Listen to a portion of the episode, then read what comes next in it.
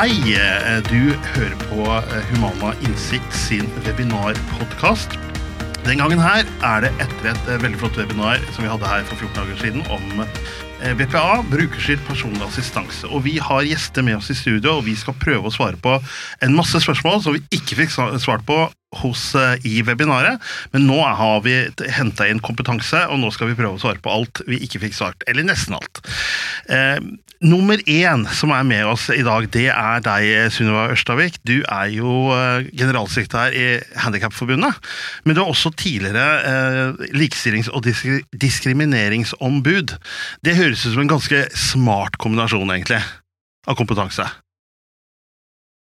Ja, vi får håpe at det er det. Ja. Jeg tenker i hvert fall at det er fint å ha med seg erfaringene som jeg hadde etter seks år som eh, likestillingsombud, og se på en måte i hvitøyet den diskrimineringen funksjonshemmede utsettes for i Norge i dag, og ikke minst snakke med alle de folka som møter alle de barrierene, og de barrierene er ikke først og fremst trapper, selv om det også er plagsomt, men det er holdninger og systemer som sitter inn i huet på folk.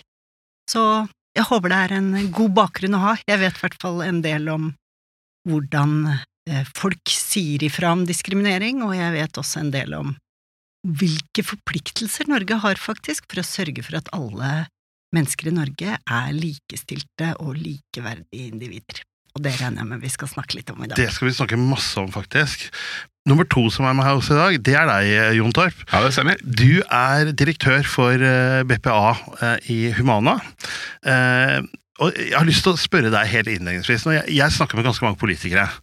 Og noen av de, ikke mange, men noen, de sier at eh, BPA det er litt sånn luksus, sier de. Ja, det har jeg også hørt. At finnes folk der ute som synes det er luksus at folk med assistansebehov og funksjonshemma lever frie og gode, sjølstyrte liv. Eh, og hvis det er luksus, eh, så veit ikke jeg. Jeg mener at det tilhører kategorien skulle bare mangle.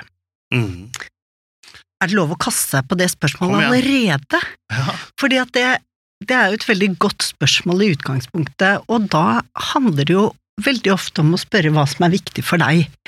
Eh, opplever du at det er luksus å kunne bestemme sjøl hva du vil ha til middag? Opplever du at det er luksus å kunne komme deg til jobb, eller eh, reise? Er det luksus? Stå opp om morgenen, er det luksus? Kle på deg? Mm. Lever et luksusliv. Vi har det ganske godt, men det er mange som trenger hjelp. Og det er det brukerstyrt personlig assistanse handler om. At det, det er en del folk som trenger dette, og, og, og de har en del rettigheter. og vi skal snakke om det. Eh, og da skal jeg bare kjapt si at nummer tre som sitter her, det er meg. Jeg heter Hans Henrik Sørensen, og jeg er kommunikasjonssjef i Humana og skal prøve å holde dette her i tømmene. Det gleder jeg meg til, eh, faktisk. Det er sånn, eh, Sunniva, at eh, bare 3500 av de eh, 14 000-15 000 som skal ha rett på eh, BPA, har det. Eh, Hva tenker du om det?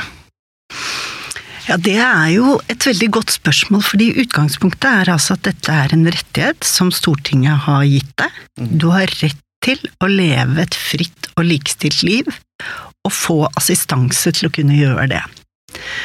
Og da Stortinget bestemte det, så tenkte jeg at dette regnet ut ca. 14 000 mennesker. Og som du sier, så betyr det at det er 10 500 mennesker, i hvert fall i Norge, som går rundt og har denne retten, og ikke får den. Eh, Og hvem er det sitt problem? Eh, Vanligvis ville jeg jo tenkt at det er sånn at eh, når barna mine har rett til å gå på skolen og de ikke får vite om det, eh, så er det jo et stort samfunnsproblem. Det er noen som har sviktet i informasjonen her. Mm. Så det er alvorlig, syns jeg, at så mange ikke får denne rettigheten, og hadde jeg vært helseminister eller statsminister, så hadde jeg gått og gjort noe med det. For vi har jo vedtatt denne rettigheten fordi folk skal kunne leve frie og gode liv. Mm. Og så er det jo en del folk da, Jon, som trenger BPA, som er, ikke er innenfor rettighetsmålgruppen nå. Hva, hva med de? Er lovgivningen for dårlig på det feltet her?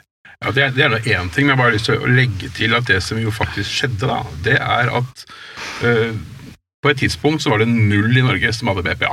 Eh, I 1991 så kom nummer én, og så hadde vi en vekstkurve som gikk litt sånn oppover og oppover og oppover. og oppover, oppover, I en sånn ganske slak bakke. Og så kom rettighetsfestinga, og da skulle vi jo forvente en skikkelig knekk på den bakken. At nå ble det veldig mye brattere vekstkurve. Det ble det ikke. Altså, Det knakk ikke i det hele tatt. Og hvorfor ble det ikke det, Jon? Ja, det så det er mange årsaker til, men jeg tror det at noe av årsaken til det er at de som sitter og med nøkkelen til eh, BPA-skapet, for å bare bruke et ord på det, på kommunesida, at de syns ikke BPA nødvendigvis er en god idé. Jeg tror veldig mange som går til kommunen sin litt sånn uten helt å vite hva det er de som finnes der av eh, tiltak, de blir møtt med at vet du hva, du som er funksjonshemma og som mener at du har et assistansebehov, du kan velge mellom, og så får de sånn støttekontakt, hjemmehjelp, hjemmesykepleie eller barnebolig eller et eller annet sånt noe, og så får de rett og slett ikke vite at BPA fins. Vi skal snakke masse om kommunen mm. Eh, og hvordan de forholder seg eller kommunene hvordan de forholder seg til dette etterpå også, Jon. Men jeg, jeg har lyst til å bare grave litt i de der som ikke har rettighetsfesta. Ja, ja, fordi at Det var noe av poenget mitt i stad. At det var jo faktisk 3000 som fikk BPA før det ble en rett. Uh, og alle de fikk det jo fordi kommunen hadde brukt et skjønn sammen med hovedpersonen og funnet ut at dette var BPA er en god løsning. Mm. Og det er jo ikke sånn at fordi at det har blitt en rettighet for noen, så er det forbudt for de som faller utenfor rettigheten. og den som faller utenfor rettigheten per i dag, bare for å ha sagt det, det er de som blir vurdert til å ha et assistansebehov under 25 timer i uka. De får hvis de får BPA, så får de det ikke basert på en rett, men basert på et kommunalt skjønn. Og Det er jo fortsatt fullt mulig eh, å gi folk dette verktøyet, fordi om man har et mindre assistansebehov. Og ofte er det jo veldig dumt å ikke gjøre det. Eh, jeg kjenner en som eh, trengte elleve timer eh, med assistanse, altså veldig lite, men det var det som sto i veien for om hun kunne studere og bli en av Norges beste sosionomer eller ikke. Tre år tok det før hun fikk de elleve timene. Tre år utsatte Norge å få verdens beste sosionom. Kjempedumt. Kjempedyrt.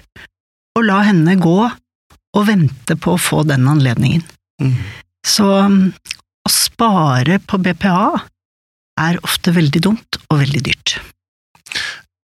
Det er jo sånn at mange kommuner vi skal snakke om det som sagt mye, men ikke heller har liksom kommet i gang med BPA. Du, du pleier å sammenligne har jeg hørt om, om dette med seksårsreformen. Det er et fint bilde, syns jeg. Ja, men, men, for det er jo altså sånn vi, Her eh, er det jo nå fem år siden, for å si det meg, at denne rettigheten kom.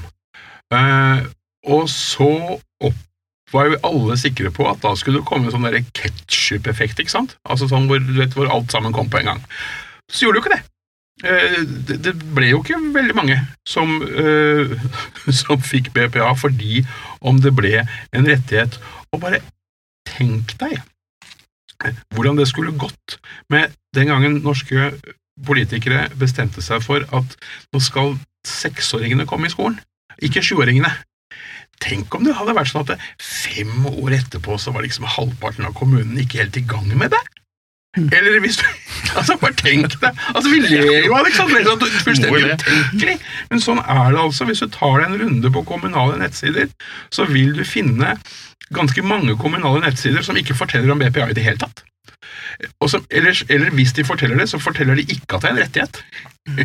Men man bare nevner det under liksom menyen av sånne, sånne tjenester. Og det er jo altså ganske besynderlig, syns jeg, at det fortsatt er sånn. At det fortsatt finnes norske kommuner som ikke har en eneste innbygger som har BPA. Nå kom ikke og fortell meg altså, at det finnes en norsk kommune hvor ikke en eneste innbygger er i målgruppa. Det kjøper jeg ikke. Nei, jeg, jeg, tror vi må bare plukke litt på kommunene med en gang, når vi først er der. fordi at eh, Kommunen de anbefaler, Noen kommuner må jeg få lov til å si, de anbefaler ikke BPA. Det er eh, for tidkrevende, det er for vanskelig, og alt mulig rart, har jeg hørt. Eh, men er det det? Nei. Altså, jeg er helt sikker på det, for det er så lett for oss å si at det ikke er det.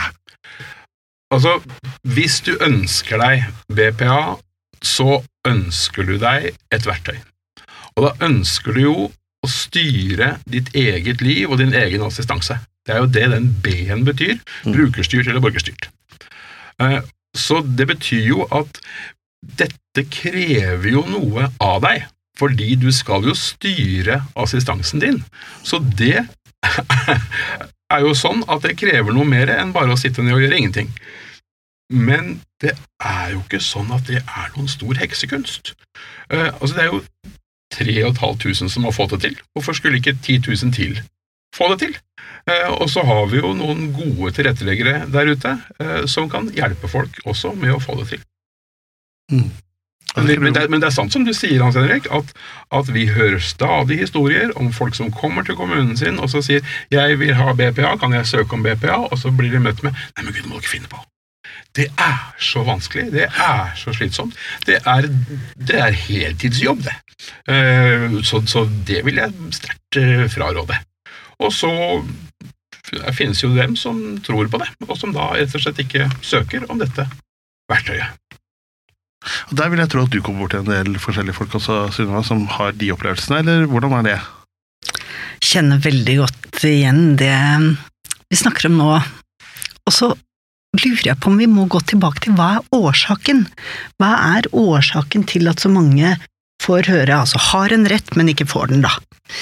Eh, og jeg tror at det handler om et par kår. Jeg tror det handler om kunnskapsløshet, at man ikke helt skjønner hva dette med BPA er. Men jeg tror også det handler mye om kultur. Altså, de du møter i kommunen, er folk som er vant til at de skal hjelpe deg. Eh, Og vi vet stort sett bedre enn deg. Og heldigvis, når jeg kommer til min fastlege, så er jeg veldig glad for at hun vet mer enn meg. Men å skulle tilby et verktøy hvor du skal være spesialisten, det er ikke kommunalt ansatte veldig drillet i. Og de kommunene som klarer det, det er jo de som tar dette ordentlig på alvor. Så liksom kultur, kunnskapsløshet, kompetanse og kanskje også en K som handler litt om kritisk blikk på funksjonshemmedes evner og muligheter. Altså, Jon snakker om at det er 3500 som klarer å administrere sitt eget liv. Jeg kjenner utrolig mange mennesker som klarer å administrere sitt eget liv. Eh, og at man da tror at fordi jeg har, eh, sitter i en stol eller eh, trenger en stokk og litt andre ting for å se, så kan jeg ikke administrere livet mitt. Det er veldig nedverdigende. Ganske patronizing. Mm. Og sier mye om vår forestilling om funksjonshemmede som litt hjelpeløse, litt dårligere, osv. Så, så en skikkelig kulturoppblomstring og kunnskapsoppblomstring i norske kommuner tror jeg er svært viktig, og ikke bare i norske kommuner. Nei, og det skal vi også snakke litt mer om, men, men jeg har lyst til å, vi gjorde en undersøkelse i fjor sommer Jon, i Humana, og vi så litt på kommunenes holdninger til, til BPA, og en av de tingene, en stor linje da, eh, var at jo lengre ut fra store bysentra du kom, jo mindre av kunnskapen om BPA. Litt sånn tabloid. Eh, hva, hva sier det for noe? Ja, Det har jeg også grubla en del på. fordi det er jo sant som du sier, at historien om BPA i Norge er jo historien om eh, altså at, at det begynner i urbane strøk, og så sprer det seg på en måte utover på, på bygda etter hvert. Eh, BPA var tidlig i Oslo-gryta, tidlig i Bergen, tidlig i Stavanger, tidlig i Trondheim, og for så vidt også i Tromsø.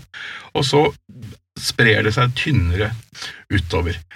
Jeg har ikke noe fullgodt svar på det, men jeg tror kanskje noe av det handler om at eh, det sitter på bygda sitter det mange ensomme folk.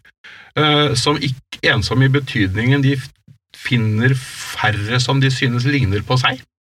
Eh, man har et assistansebehov, men også treffer du jo De du da treffer, de vet De bor kanskje i nærheten av deg, og vet mindre om mulighetene som finnes der ute. Mens folk som bor i sentrale strøk, har større sjanse for å finne andre som ligner på seg, og da tror jeg at veldig mye av spredningen av BPA handler om jungeltelegrafen, rett og slett. Det er Mm. derfra veksten kommer.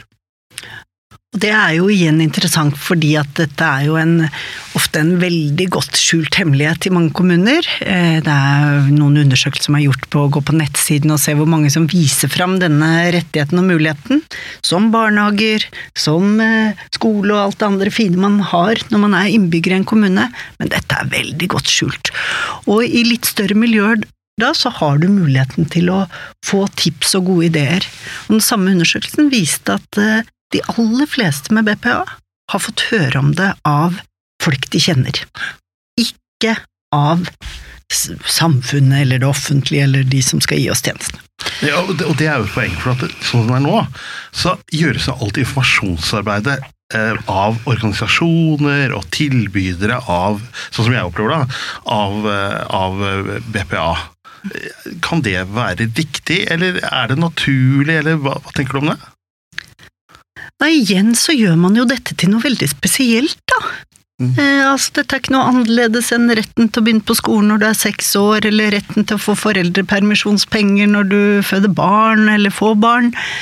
Eh, så dette er jo en rettighet, et likestillingsverktøy, så jeg forventer jo at samfunnet, at staten og kommunene, og de har jo en pålagt informasjonsplikt, jeg forventer at de går ut og virkelig markedsfører dette gode verktøyet. Eh, Så egentlig burde vi gjort noe også på det. Mm. For det er rart at det er vi som brenner for det, som må gå ut og rope høyt, og at ikke enhver kommune i Norge er kjempestolt over at selvfølgelig har vi dette som vi har skole og fastlegeordning hos oss. Ja, det er helt riktig. og Vi har jo, det er jo mer og mer ser vi jo nå at kommunene flagger og soler seg av sine øvrige likestillingstiltak. Altså det, det flagges med regnbueflagg utafor rådhuset når det er prideuke. De snakker om at her er det skikkelige tiltak på likestillingssida i forhold til kjønnsdiskriminering. Så er enda til gode å høre noen soler seg i glansen av vet du hva, dette likestillingsverktøyet som BPA er, og som vi forvalter. Nå vil vi gjerne fortelle dere hvor gode vi er på det. Og der er vi i kjernen, ikke sant? Fordi folk har lett for å tro at dette er en knapp tjeneste, istedenfor at det er et frigjørings- og likestillingsverktøy. Eh, og hvis man spurte kommunene da hvorfor skjuler dere noe som bidrar til at folk kan være fri og likestilte? Er dere en sånn kommune som vil at færrest mulig skal være det? Og det, det tror Og det jeg ikke det er. overhodet ikke, men de tror at det er en knapp tjeneste de skal holde igjen på, istedenfor et verktøy som vi må sørge for at de som har rett på det, får det, for at vi får flest mulig som har de samme rettighetene og mulighetene i vårt samfunn. Men Jeg har hørt et uttrykk eh, som heter velferdsflyktninger. Hva er det for noe, Jon? Ja, det er jo folk som bor i en kommune, og som opplever at det smøres altså så tynt utover eh, de tjenestene som man får av kommunene, at de tenker at jeg kan faktisk ikke bo her lenger, jeg må flytte. Og jeg flyttet til en annen kommune, eh, og da opplever jo jeg av og til, og det kanskje for alt jeg vet dere også gjør i Handikapforbundet, Sunniva, at de ringer og spør hvor skal jeg flytte, har du noen tips? Mm. Mm. Fordi da, da må man altså flytte et sted hvor de tror at, at eh, det ikke smøres fullt så tynt utover. Ja, Det har vært veldig morsomt å komme med de tipsene her, men vi skal ikke gjøre det. Hvor de skal flytte hen.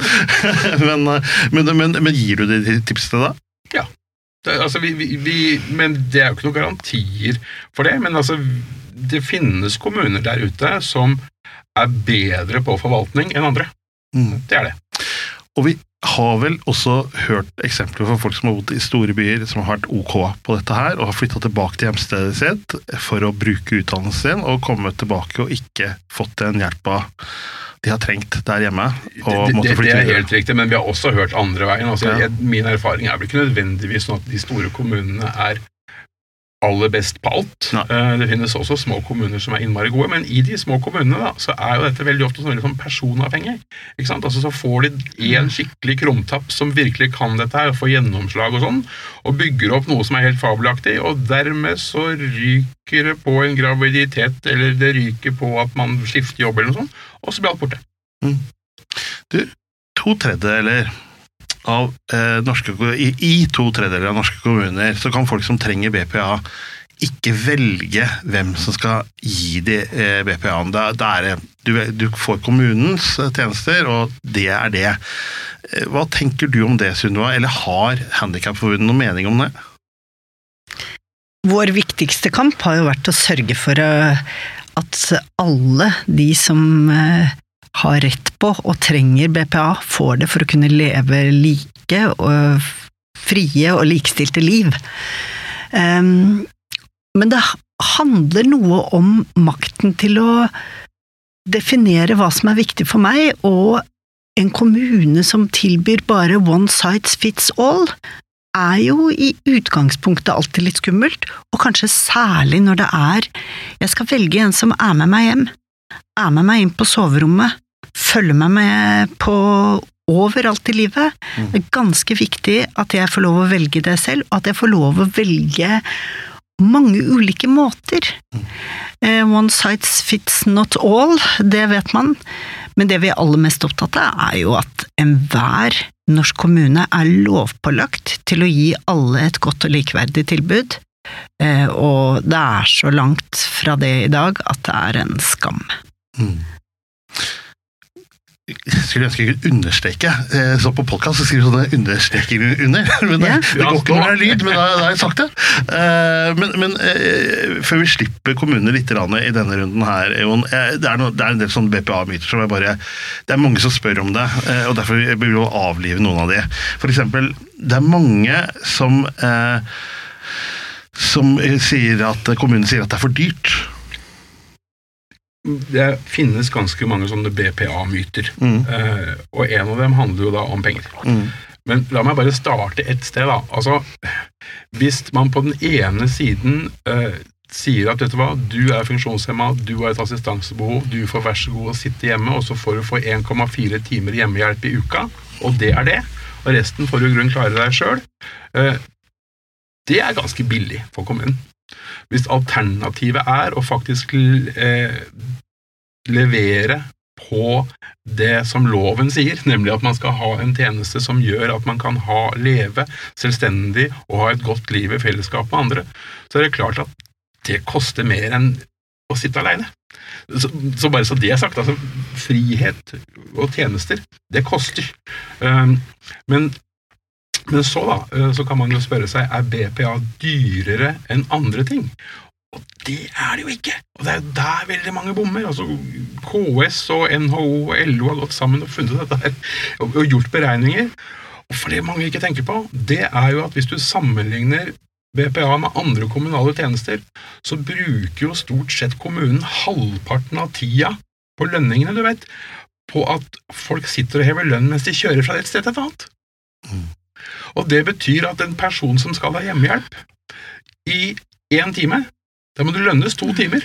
For den ene timen så bruker jo den som skal ha, utføre tjenesten, tida si på å flytte seg fra, fra, til, fra punkt A til punkt B, mens med BPA så er det 100% av tida med effektiv jobbing. Så det siste tallet jeg hørte, er omtrent halv pris for BPA sammenlignet med andre tjenester. Det er det kaldt som veit. Det er jo kjempeviktig at BPA de bruker ikke tida på å reise mellom sine arbeidsledere. De bruker 90% av tida der hvor de skal bruke den, og det gjør ikke de andre tjenestene. Så er det jo også det at det er jo veldig mye dyrere å ha en syke, hjemmesykepleier eller vernepleier, vernepleierlønn, som skal hjelpe meg med helt praktiske ting. Um, men jeg er ikke helt enig med deg, Jon, når du sier at det er billigere for kommunen å gi folk et par tjenester så de kan sitte hjemme. Altså, det aller dyreste for et samfunn er jo å sørge for at folk ikke får lov å delta. Det er dyrt, det. Det er kjempedyrt. Men altså, hvis du bare skal sammenligne tjeneste mot tjeneste, så er det også rimeligere med Mm. BPA. Men jeg pleier å si at all likestilling, det er kjempedyrt. Men alle likestillingstiltak har lønt seg, Mm. også økonomisk. Altså, noe av det dyreste Norge gjorde, det var å bygge barnehager sånn at kvinner kunne ut i arbeidslivet. Det er det mest lønnsomme vi har gjort. Godt poeng. Det er altså sånn at aller dyreste vi kan gjøre, er å sørge for at folk ikke kan delta, ikke kan leve likestilte liv. Og det betyr ikke at alle folk skal ha lønnsarbeid osv., osv., men det betyr at inn å sette folk bort, hjem, inne hos seg selv, og ha noen små tjenester som kommer der, det er det dyreste du kan gjøre. Og dyrt er veldig dumt, altså. Dyrt er dumt, ja. Så de som mener at eh, Alle de kommunene som mener at eh, BPA blir for dyrt, de må komme til Norges Handikapforbund, og så skal vi lage det regnestykket sammen. For jeg har ennå til gode at den kommunalt ansatte kan vise meg at det blir dyrere både på kort og på lang sikt. Så velkommen til oss, jeg gleder meg. Og, og, og der avliver vi i hvert fall den myten, i hvert fall. Det er ganske brutalt. Det har eh, vi, vi, vi toucher jo innom masse spørsmål som har kommet inn her på generelt og nivåene, men det har kommet inn en del sånne helt sånn konkrete spørsmål òg. Tenker vi kan ha en kjapprunde på det før vi går over, før vi fortsetter å snakke om disse store tingene. Um, eh, eh, det er um, en eh, som var med på, eh, på webinaret som har spurt eh, hvor mye kan kommunen detaljstyre hva jeg bruker BPA-en min til? Minst mulig, mener jo jeg. Eh, altså I forarbeidene til loven så eh, ligger det helt klart at det skal foregå en, en utmåling av behov. Greit. Og så blir det satt da en ramme. Du er innvilget eh, 50 uketimer med BPA. Og det eh, har vi kommet fram til fordi vi ser at du trenger assistanse til ditten og datten og kjerringa til katten. Og så Deretter så skal det jo være opp til hovedpersonen selv å husholdere med de timene og ta sine egne valg. Altså, ønsker jeg å la møkka gro og heller bruke tid på å klippe hekken, eller heller bruke tid på å gå tur på skauen, eller å, å surre bort tida mi på et kjøpesenter, ja, så er det meningen at det skal den enkelte ta og vurdere selv. Det er derfor dette er brukerstyrt. Mm. Men dette er det mange som spør om. Jeg har en annen som spør om det er riktig at BPA kun er til personlig stell. altså Det har han åpenbart fått beskjed om av, av noen. Men det er jo feil. Ja, det er så feil det som det kan bli. Ja, det er helt feil. Det er helt feil. Mm. BPA er til alt du trenger assistanse til for å kunne leve et godt, likeverdig og fritt liv. Alt fra å løfte opp ølen din når du er ute med venner, til å komme på bussen, til å være med på et møte i kommunen. Jeg, noen ganger når jeg får det spørsmålet, for jeg har fått det før, som, som handler om det som mange opplever som, som kontrollbehov. Og så er det jo selvfølgelig sånn at altså, jeg er jo også skattebetaler. Jeg jobber og betaler skatt, så jeg vil jo ikke at skattepengene mine skal bare gå til sånn tull og tøys. Så jeg er også opptatt av at ting skal på en måte ha Vi skal sjekke ut at det går til det det skal. Selvfølgelig er jeg opptatt av det. Men det er noen grenser for hvor mye vi skal kontrollere mennesker, da. Eh, og jeg opplever at mange kommuner er opptatt av å detaljkontrollere hvordan funksjonshemmede bruker BPA-timene sine. Samtidig som mange av dem er kvinner. Og mange av de mottar barnetrygd. Mm. Tenk om de skulle oppleve at den norske stat kontrollerte hvordan de brukte barnetrygden sin. Det skulle bli dramaskrik, du. Da mener man at dette må jo jeg få lov til å husholdere med selv, for jeg vet jo best hva som er bra for barnet mitt. Så blir alle helt enige om det, men når funksjonshemmede sier det samme, vet du hva, jeg vet jo best hva som er bra for meg, så er det ikke sannheten like stor bestandig som den oppleves. Og det er jo ganske vanskelig å tenke seg altså Det er mulig jeg er naiv, men hvordan skulle man på en måte eh, misbrukt BPA-timene sine eh, til noe helt annet enn det kommunen mente at jeg skulle gjøre den dagen? Eh, det er jo Jeg får jo dette for å kunne leve mitt liv. Eh, Så jeg skjønner ikke helt Jeg er enig med, med Jon at noe sånn i utmåling, selv om jeg har veldig lyst til at vi skulle teste ut i et par kommuner at folk fant ut sjøl hvor mange timer jeg trenger. Ja, Fortell litt om den ideen der, Sunna. Ja, altså, mitt utgangspunkt er at jeg har ikke møtt noen som ønsker mer assistanse enn det de har behov for. Det er liksom ikke sånn at jeg trenger en som sitter rundt meg når jeg ikke trenger assistansen. Det er eh, på samme måte som andre hjelpemidler. Jeg trenger ikke å ha fire doforhøyere, liksom. Det holder med de to på de to eh, doene jeg har, eller hva det er. Så å teste ut hvor eh, Hvis det var helt frislepp, hvordan ville det blitt da? Hvor mange timer ville du hatt da? Nettopp for å gi kontroll over eget liv, bare for å se, for å teste ut denne, som også er en av mytene, tror jeg, at folk står sånn bare få, få, få, mer enn det de trenger. Jeg skjønner ikke hvor det kommer fra. Og det er vel kanskje noe av problemet også, at uh, disse tjenestene forvaltes av folk som ikke har assistansebehov selv, og nå sitter jo to Mm. personer her som ikke har det, og det i seg selv er jo litt problematisk, for ekspertene på BPA er jo folk som er arbeidsledere og har assistansebehov sjøl. Og hadde de sittet og vært med på forvaltningen i kommunen, så hadde dette blitt ganske annerledes, altså. Dette er jo ikke Igjen, vi starta med luksus. Dette er ren praktisk hjelp. Ikke ha noe mer enn det jeg trenger. Nei. Så den modige kommunepolitikeren eller stortingspolitikeren eller en av Ernas folk som tør å sette i gang det, og se hva som skjer, det er virkelig å teste om vi tror på folks frihet og muligheter i dette landet, eller om det er sånn at jeg kan bestemme hva jeg skal bruke tiden min på, men er du funksjonshemma, så må du rapportere det til kommunen.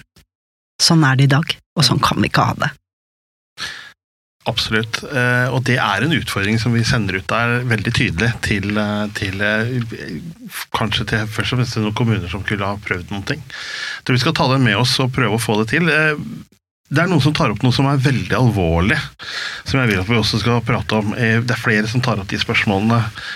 Det er jo ikke Man får jo ikke noe Altså, man, det er ikke noe penger i ordningene til å lønne folk som administrerer ordningen, og mange administrerer også ordninger for egne barn. Det er en ganske rørende spørsmål fra, et, eh, fra en mamma som er veldig fornøyd med å ha BPA til sitt barn, men som sier at Men hva når jeg dør, da?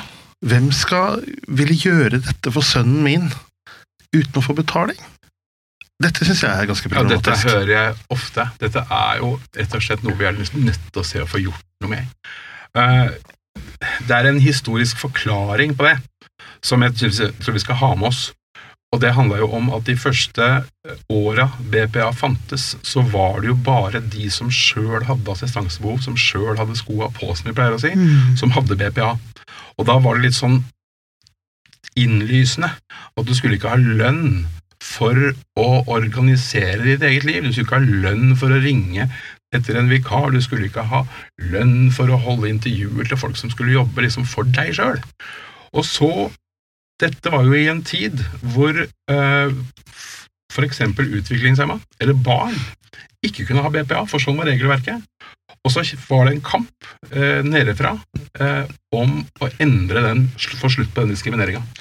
Og så våget man rett og slett ikke, tror jeg, å si, vet du hva, hvis vi skal utvide denne ordninga, som vi selvsagt skal, til også å omfatte den som behøver assistanse til å lede, ja, da må vi lønne den lederen. Det var det ingen som turte å si, av frykt for at da ville vi få tommelen ned i Stortinget. Det tror jeg er forklaringa på det. Og vips, så sitter vi nå i en situasjon hvor det er altså veldig ofte mødre, noen ganger fedre, noen ganger søsken, og noen ganger betrodde assistenter som sitter der og jobber masse gratis, drifter store assistanseordninger. Altså, prøv ellers å se hvor er det du finner eh, arbeidsplasser med 20-25 mennesker som ledes gratis, på dugnad. Sånn er det jo. En mellomstor norsk bedrift, er det ikke det? Ja. Så, Mm. Så altså, dette må det altså se å få gjort noen ting med. For det er klart at denne mammaen som nå jobber livet av seg med å få dette til, hun får ikke fem flate øre for det. Og hun sier jo så klokt det er jo ingen andre som vil ha den jobben.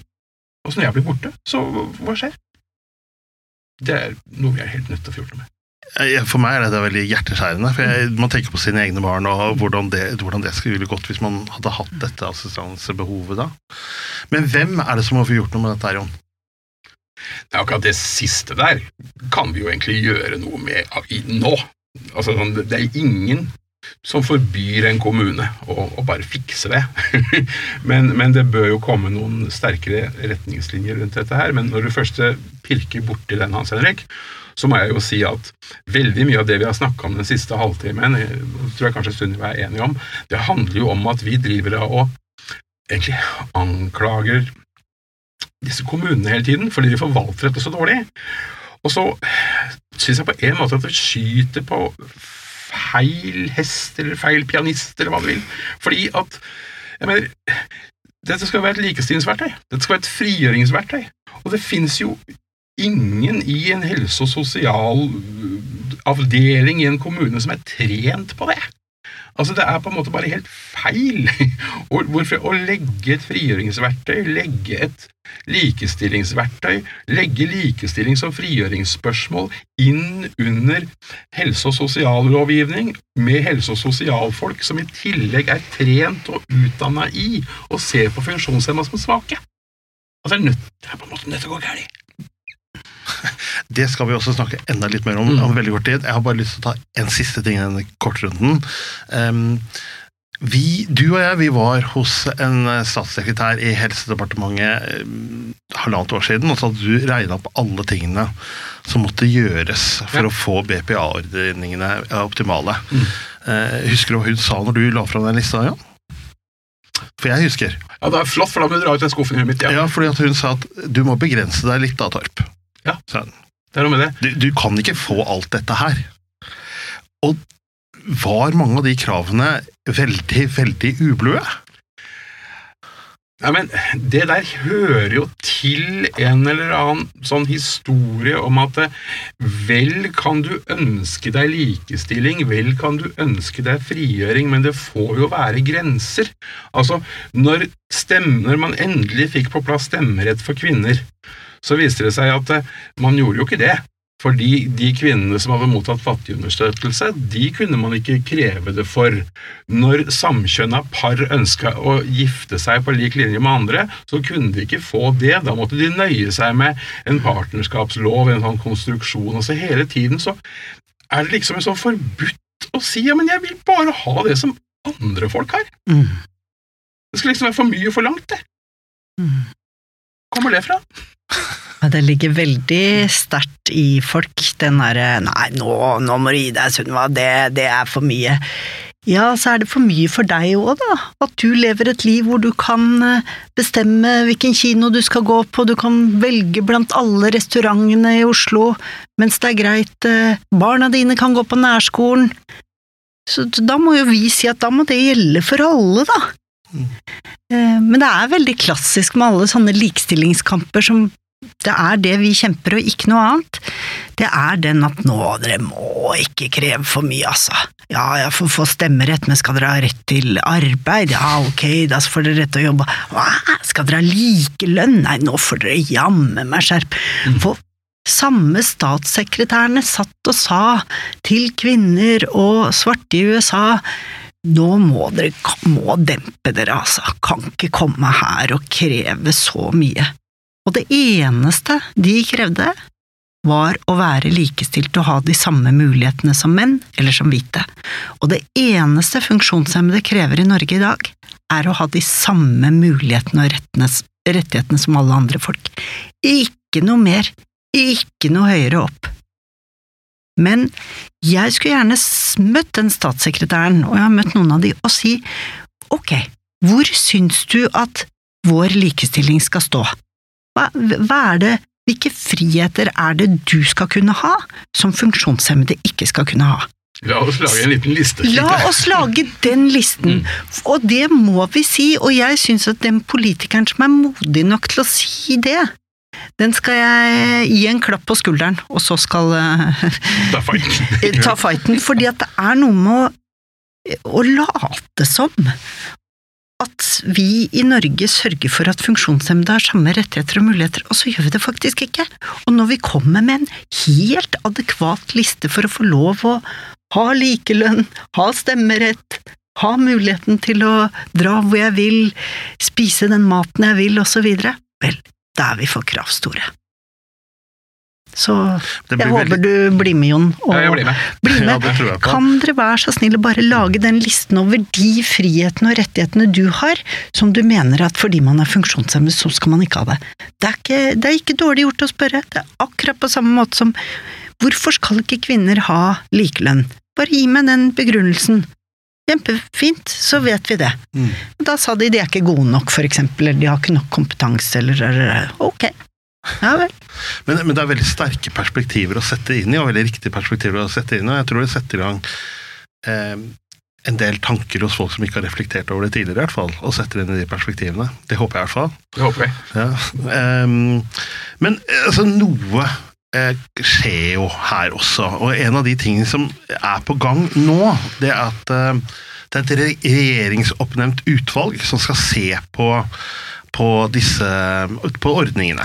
Eh, og hvorfor fu- fu- fungerer det, hvorfor fungerer det ikke, hva skal vi gjøre annerledes, osv. Og, og en av la meg kalle det tesene, da, det er som vi ønsker kanskje kunne vært interessant å diskutere i den sammenhengen, som vi vet de diskuterer, det er at man gjør akkurat det du snakka om i stad, Jon, og prøver å diskutere om man skal hente det ut fra helseområdet, helse- og omsorgsområdet og flytte over som en likestillingssak som vi snakker om. Ehm, har vi noe tro på at det utvalget kan gjøre en forskjell og få gjort noe med det? Ja, Det er helt riktig som du sier, at det sitter nå et regjeringsoppnevnt utvalg uh, og jobber med spørsmålet eh, Skal vi, er det lurt å løfte hele BPA-ordningen ut av helse- og omsorgslovgivninga og over i en annen type lovgivning, f.eks. en rettighets- og frigjøringslovgivning? Og det er det delte meninger om, eh, men det er jo veldig bra at det perspektivet iallfall har kommet såpass langt at de har fått nedsatt et utvalg for å jobbe med det, om ikke annet. Det siste jeg hørte, er at pga. covid-19 og sånn, så er det nå litt utsatt, dette arbeidet. Det legges fram nå juni, tror jeg, i 21. Eh, Så får vi nå se hva som, som kommer ut av det, men det er jo etter mitt skjønn jammen på tide å se på noen andre måter å tenke på. øh, Nettopp fordi at hvis dette her skal være Så hvis man mener på alvor da, at dette her skal være et likestillingsverktøy, og et verktøy for å leve et fritt og uavhengig liv, ja, da må jo konsekvensen av det bli at da kan ikke det forvaltes av de samme som skal ta seg av sjuke. Nei, for da er vi inne på at det er jo ikke helse, det er likestilling, ikke sant? Ja, og jeg hører nå på oss litt sånn Jeg tenker hvis du hører på oss utenifra nå og så snakke om liksom hvilken lov ligger ting i, og hvilket forvaltningsnivå, høres jo litt sånn gørr ut. Og hva er årsaken til at dette har blitt så viktig for oss? Det er jo fordi at vi har sett at når det ligger i en helse- og omsorgslovgivning og forvaltes av en helse- og omsorgskultur, så det, blir det på en måte så langt fra det frigjøringsverktøyet folk faktisk trenger. Og da blir det jo sånn, hva er faglig forsvarlig, eh, sånn, og hva trenger du med den diagnosen, og sånne som deg trenger vel det? Nei, det er ikke sånne som meg, det er jeg her, som skal leve mitt frie liv. Så, så det er noe med at vi tror og mener og syns vi kan dokumentere at det er nettopp den lovgivningen og tankegangen som når vi er syke, er vi jo kjempeglad for det. Jeg er jo kjempeglad for at fastlegen min er opptatt av faglig forsvarlig tilbud for meg når jeg har vondt et sted og er syk et eller annet sted. Men når det handler om hvordan jeg skal organisere mitt liv for å gjøre praktiske oppgaver, da hører det jo ikke hjemme der. Og det er så Jeg som jo jobber hos en BPA-leverandør, eh, opplever jo det som så befriende og så deilig at jeg skal jo ikke vite, og vil ikke vite, og er helt uinteressert i hvilke medisinske diagnoser disse kundene har. Helt, og, og hvilke det som andre definerer som svakheter og lyter, jeg vet ikke alle disse her navnene som finnes på dette her, det er jo jeg hjertelig uinteressert i. Fordi vi skal jo se på folk som potensielle og eksisterende ledere for personalet sitt. Det er jo det vi skal trene dem i. Og Det siste jeg og mine medarbeidere trenger da, det er jo å få påpekt hvilke svakheter noen mener de har. Vi skal jo ha tak i de styrkene deres vi skal bygge videre på dem for å gjøre folk til gode ledere i sine egne assistanseordninger. Men vi må ta på alvor at noen er bekymret for hva skjer hvis vi begynner å rokke på denne rettigheten. Den bekymringen må vi ta på alvor, og det jeg møter veldig ofte er at folk er redd for at de ikke skal få de helsetjenestene de faktisk også har og trenger. Så jaså ja, fordi du er funksjonshemma, så kan du enten ha praktisk assistanse eller hjemmesykepleier. Nei, du kan jo veldig ofte trenge begge deler. Ja. Noen gjør det, og da har jeg min BPA, og så har jeg, må jeg hjemmesykepleier må komme med et eller annet som er noe medisinsk greie. Det kan godt hende, og jeg tror at hvis vi klarer å flytte dette her, så kan det gjøre at folk får mer av den støtten og hjelpen og assistansen de trenger, og ikke mindre. Men det er en annen ting som også er veldig viktig, som jeg vet mange er opptatt av. Vi må sørge for et system hvor du kan klage. Og der er helselovgivninga ganske god. Det finnes et klagesystem, og jeg vet at pasient- og brukerombudet har vært med på denne podkasten tidligere, og hun har gjort en kjempegod jobb med de klagene. Så vi må sørge for at det, uansett hvor det skal ligge og hvor det skal bestemmes, at det er et system som ikke er enerådig, at jeg har muligheten til å prøve det etterpå. Men det kan ikke ta to år å klage på det, altså, for det er ofte livet levd. Jeg kjenner mange unge folk som er midt inne i klageprosesser nå, og livet er satt på vent, altså. Det er Det er grusomt, så det kan vi ikke ha. Nei, det kan, det kan vi ikke ha. Og det er veldig riktig som du sier, Sunniva, at dette lovverket, som jo kan høres sånn grått og kjedelig og byråkratisk ut, altså det må jo være skrudd sammen med et sånn helt reelt mål. Altså Målet er jo at du skal få levd et så godt liv som mulig. Og da kan det jo ikke være sånn at vi dytter helsetjenester nedover Nei. halsen på folk som ikke vil ha det. Eh, altså da, da må det jo faktisk være sånn at hvis jeg blir innmari sjuk en dag, så kan, må jeg jo også få lov til å si nei. Vet du hva, Jeg har ikke lyst til å bli eh, håndtert av faglærte. Jeg har lyst til å være herre i eget hus og i eget liv og få lov til å lære opp mine egne assistenter, og så får dere mene aldri så mye at jeg er sjuk. Eh, Det er den ene måten som vi også må tenke på i fortsetningen. Og så er det jo også sånn at hvis jeg virkelig er sjuk, og jeg tenker jeg er livredd for å overlate disse kompliserte sykdomstingene mine til noen ufaglærte assistenter som jeg lærer opp sjøl, det tør jeg bare ikke, så må jeg jo ha muligheten til å bruke det faglærte systemet til den biten. Men det er jo ikke heller meg. Så må jeg jo få lov til å ha BPA til resten. Ja, Og der er jo, ikke sant, hva er fagligheten i BPA? Eh, Vi ser jo veldig ofte at folk ikke får BPA, eller får for lite BPA, eller feil, eller må vente, med begrunnelse i faglig forsvarlighet. Mm. Hva slags faglighet er det? Er det eh, medisinskfaglig? Hei hå, det hører ikke hjemme her. Er det mitt liv-faglig? Den fagkompetansen ligger jo ikke i helse- og omsorgsdelen, for det har ikke noe med det å gjøre. Det har jo med den praktiske assistansen min å gjøre. Og jeg digger helse- og omsorgsarbeidere, jeg digger kommuner, jeg gjør det. Men jeg liker at folk skal holde på med det de kan.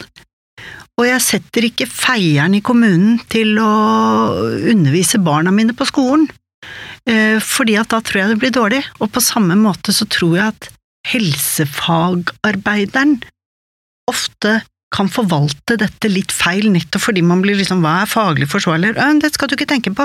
Du skal tenke på hva som skal til for å leve et fritt og selvstendig liv, og det finner du ut ved å snakke med hva er viktig i ditt liv, Hans Henrik. Jeg syns egentlig det er et fantastisk fin avslutning å avslutte der. Fordi at da har vi jo på en måte summert opp hva dette egentlig handler om eh, i den uttalelsen. Jeg vil oppfordre folk til å ta kontakt med, eh, med dere i Handikapforbundet hvis de lurer på ting. Eller så kan de ta kontakt med deg, Jon, eh, på Ja, Humana BPA. Eh, Vi er på internett, vi er på sosiale medier. Dere finner oss, Denne podkasten finner dere alle steder hvor dere laster ned podkaster. Og i bunn og grunn, Jon, så gjør vi vel dette for at alle fortjener et godt liv, gjør vi ikke det?